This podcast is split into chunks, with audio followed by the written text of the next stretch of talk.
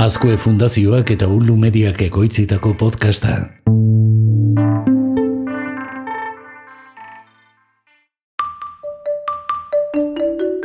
Bai badakit, hau podcast bat da. Hemen audioa lantzen dugu.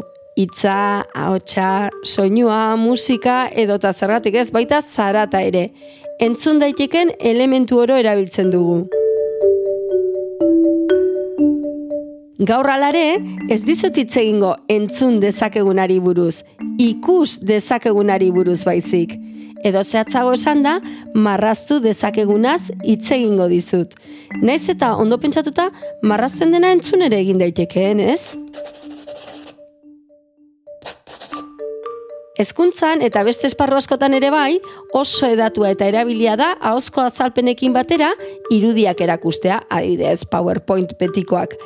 Baina baliabide interesgarri asko dago PowerPointa zaratago ere. Gaurko saioan, pentsamendu bizualak irakaskuntzan izan dezaken erabileraz hitz egingo dizuet.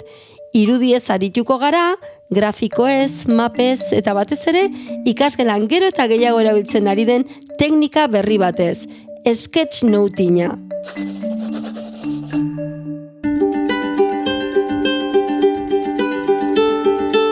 Kaixo, maite goni naiz eta hau amar minututan podcasta da. Amar minututan, maite gonirekin.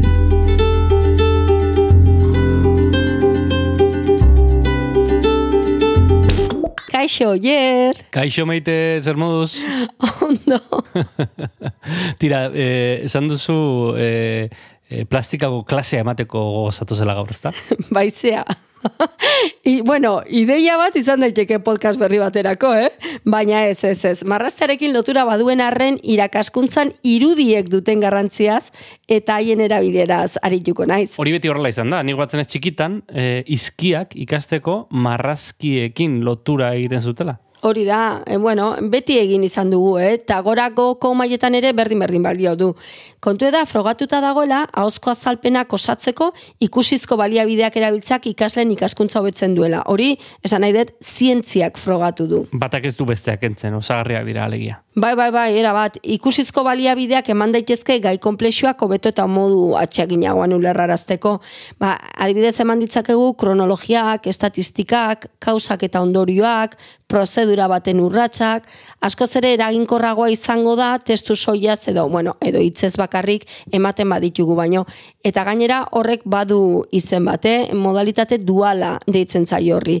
Testua edo ahotsa eta irudia. Bai, kontzeptu zail baten irudi simple bat eskintzen dizutenean, eskertzen da egia esan. Noski, baina ja da eginda eskaini ordez, beste estrategia bat izan liteke ikaslei eskatzea, ba, informazioa edo edukiak modu grafikoan adieraztea, ulertu dutena laburtzeko edo edukiak errepasatzeko. Bueno, hori oso zaila da, ohitu egin behar duzu irudietan pentsatzen, ez? Bueno, hori ere dena bezala oier landu egin behar da. Nola eman liteke informazioa laburtuta modu grafikoan? Ba, adibidez, ikaslei eskatzen bali badiegu hori egiteko, egin dezakete buru mapa bat osatu edo mapa kontzeptual bat, ben diagramak, fluxu diagramak, askotariko formulak daude ez, baita sketch notak ere. Eta gaur hain zuzen, honi buruz hitz egin behar dugu. Sketch note. Bai, hori azaltzen saiatuko naiz jarraian. Zer dira sketch noteak ola hainbeste kostatzen da hori? Edo orokorrean hitz egin da zer da sketch notina, eh? Sketch notina visual thinking edo pentsamendu visualaren barruan kokatzen den teknika bada e, zertan datzan bada oharrak modu sortzaileagoan edo hartzean, ez? E, adibidez, e, zerbait entzuten dugunean, ba, apunteak hartu beharren testu pixka batekin, egin dezakeguna da, irudi eta testua biak naztuta. Ziur nago, hier ikusi duzula inoiz itzaldiren batean edo e, itzal, e, izlaria hitz egiten ari da, eta norbait aldamenean horrelako marrazki bat egiten itzaldiaren edukia. Ikusi duzu inoiz? Bai, gainera horrelako bideoak ere YouTubeen oso viralak izaten dira, ezta? Bai, hoiek die justu sketch notak edo bueno, beste formula batzuk ere egon litezke, eh? eta zertarako izan daitezke lagungarri. Ba, e, arreta eduki garrantzitsuenetan ipintzen laguntzen digu. Hau da, entzuten ari garenean zerbait, ba, zu marrazten edo testu labur batekin e, osatzen bali baduzu, ba, zure mapa hori edo zure irudi hori, ba, enfokatu egiten zara horretan, e, beraz, sintetizatzeko eta informazioa iragazteko primerako teknika da.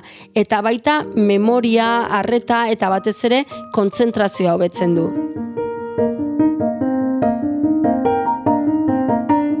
Tira, eta noiz erabildezakegu teknika hau gelan? Ba, adibide batzuk emango izkitzute, hobeto ulertzeko unitate didaktiko bat asteragoaz adibidez. Ba, ikaslei, gai horri buruz dakitena, e, eskadieza haiek egu azaltzea edo adieraztea sketch note baten bidez. Eta maite, okurtzen baita ere, e, gelan zerbait azaltzen lai garenean, oiko apunteak hartu beharrean, ba, eskatzea sketch note formatuan hartzea, ez? Hori da, eta beste erabilera bat izan liteke adibidez, proiektu bat egin behar badute, Hmm. proiektuaren bilakaera, ba, onela eh, adieraz dezakete, zer egin duten hasieran, bilakaeran, Mhm. Besterik? Ba, ikasunitate baten amaieran, eh, adibidez, ba, ikasitakoa laburtzeko edo puntu garrantzitsua jasotzeko, Mhm. edo, bueno, ja, eh, oso oso interesgarri izan liteke adibidez, horrelako sketch note batekin astea, ba, hasieran zertzekiten, eta gero amaieran zer joan diren osatzen beste kolore batez egin dezakete. Bueno, eta ikaslek ahozko aurkezpenetan PowerPointak erabili beharrean, ba, zergatik ez, horrelako zerbait egin dezakete. Ba, hori oso oso aproposa izango itzateke. Imaginatu, e, arbel digitalean edo beraien irudi hori ohartxo hoiekin modu visual batean eta irakurri beharren PowerPointeko puntuak ba, ba gutxienez ahozkotasun hori lantzeko, ez? Edo liburu bat irakurtzen ari badira, ba kapitulu bakoitzeko laburpena sketch note bidez egitea eskatzea eskatu diezaiekegu. Bueno, bururatzen zaigun edo zer Roger. Bueno, ari gara sketch note inguruan hitz egiten, baina kaso eh, ez da horren erresa, ez? Edo nola, nola egin hau dana, ez? Zaila ematen du. Bueno, ba, mm, ez dugu gezurrik esango, esan dut, sketch notak egiten ikasi egiten da, beste dozein teknika bezala, beraz, aukera bada, irakasleok teknika hau ezagutzea edo menperatzea nolabait esateko, eta ikaslei erakustea, edo ikastetxera beste hainbatetan egiten den bezala, ba, dakien e, norbaitek hartzea, ez, erakusteko ikaslei baino, benetan oso interesgarria iruditzen zait teknika bezala.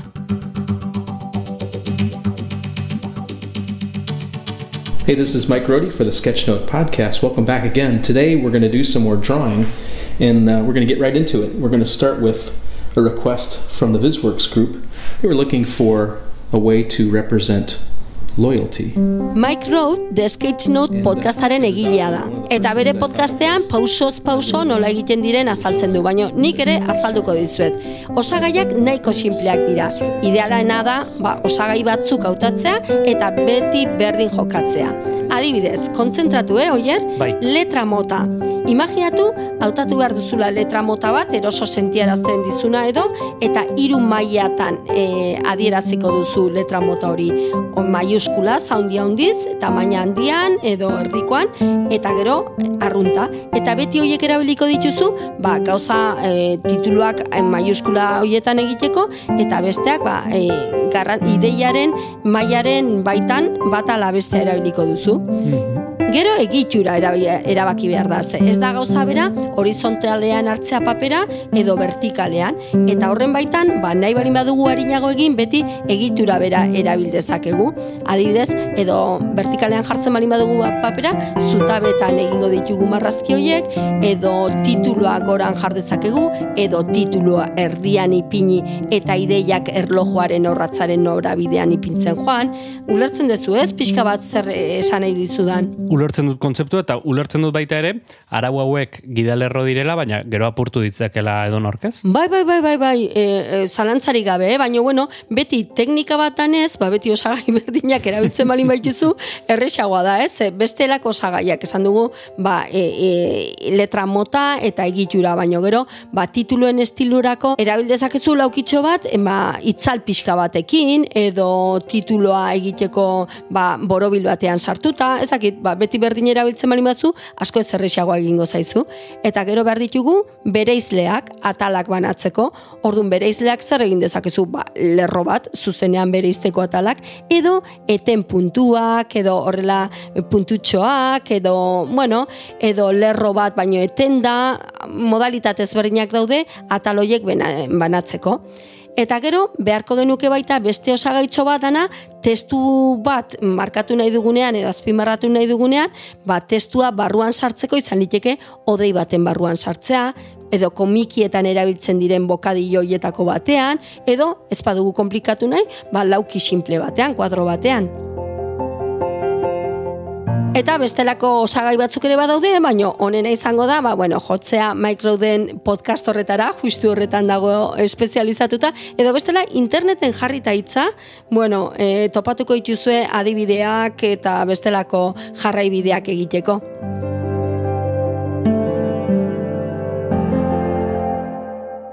Bueno, aipatu dugu sketchnotaren teknika. Baina e, demagun orain hasi nahi nik horrelako bat egiten, ez? Ze baliabide ditut eskura? Ba, e, azteko egin dezakegu paperean. Paperean eta eskuz. Gaina hori ikertuta dago oso ondo funtzionatzen duela teknikak horrela. Eta beti esaten dugun bezala, ba, badaude bestelako mm, baliabideak eta bar, eta gainera gure podcasta digitala danez, ba, ikusiko dugu ze modu dauden hau modu digitalean egiteko, ez. E, nahi bali dugu, tabletan edo mugikorrean egin, ba, horretarako aplikazio bat jetxiko genuke, aplikazio ezberdinak daude, eta e, besterik gabe beharko genuke estilus motako, badakizu ez, boligrafo hoietako bat tabletan idazten idazteko aukera ematen duena, mm ba horrelako bat beharko genuke. Aplikazio mordo badago, e, batzuk e, e Apple, e, Appleen sistemarako izango ditugu, eta beste batzuk Androiden erabiltzeko. Orduan beharko genuke Sketch Notes adibidez, Androiderako, nik probatu dut eta oso egokia da, boligrafoietako batekin mm usten dizu oso ondo trazoak egiten eta marrazten eta zirriborratzen, eta gero daukezu e, nahiko ezaguna Explain Everything, bideotutorialak egiteko balio duen tresna bada, baina honetarako ere baliagarria da. Eta gero gaztetxoentzat, nahi balin bada teknika honekin hasi, ba, Drawing with Carl badago batez, marrazten Carlekin edo horrelako zerbait ingelesez. Eta badaude, ba, adibidez iPaderako edo iOS entzat, paper da oso ezaguna, notability, bueno, mordoska badaude. Honena, beti esaten duguna, norbeak probatzea eta gehien gustuko duena, ba, horrekin aurrera egitea. Etzarete galduko.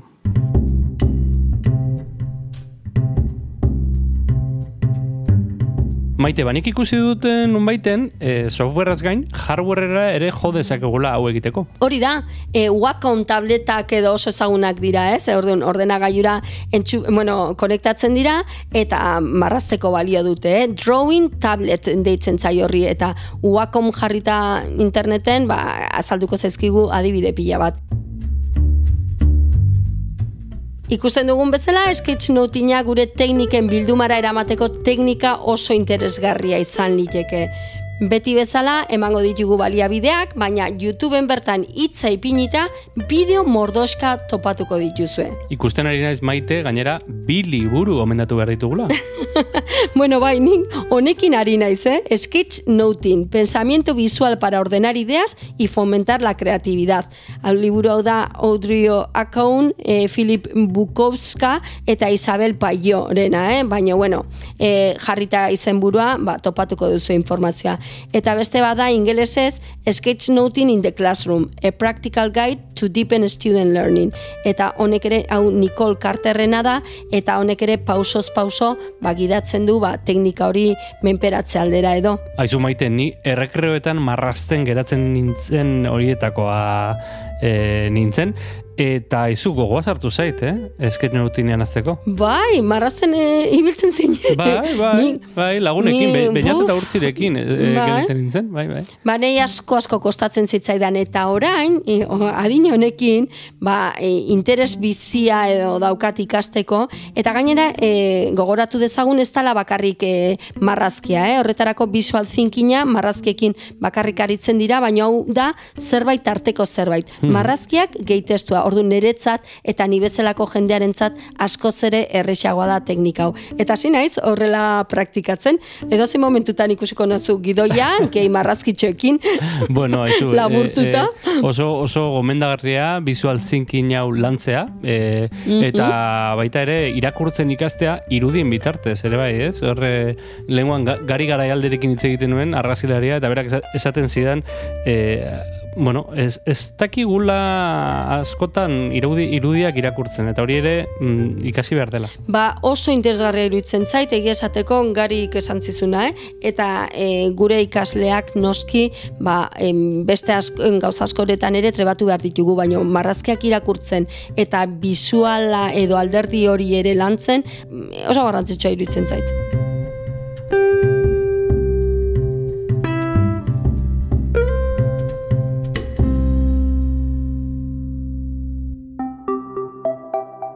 Tira, entzule ba, hau izan da gaurko amar minututan, maite gogoratuko dugu e, amar minututan jarraitu nahi duenak, edo zein audio plataformatan topatu dezakela, eta beti gomendatzen dugula hartzeko tarte bat, orantxe bertan, tartetxo bat, eta arpidetu botoia izakatzeko. Hori da, klik bat, baino ez da, eta gu oso eskertuta egongo gara, baita zabaltzen marin baduzu, eh? ezagunen artean, irakaslen artean, edo hezkuntza komunitatean zeharrez.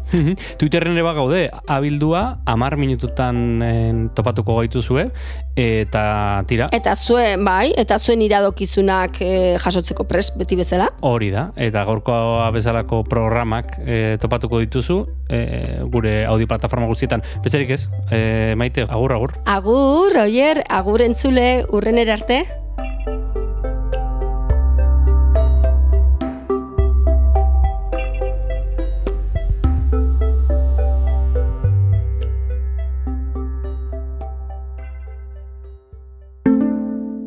Vasco de Ey, entzun hori. Ulu Media.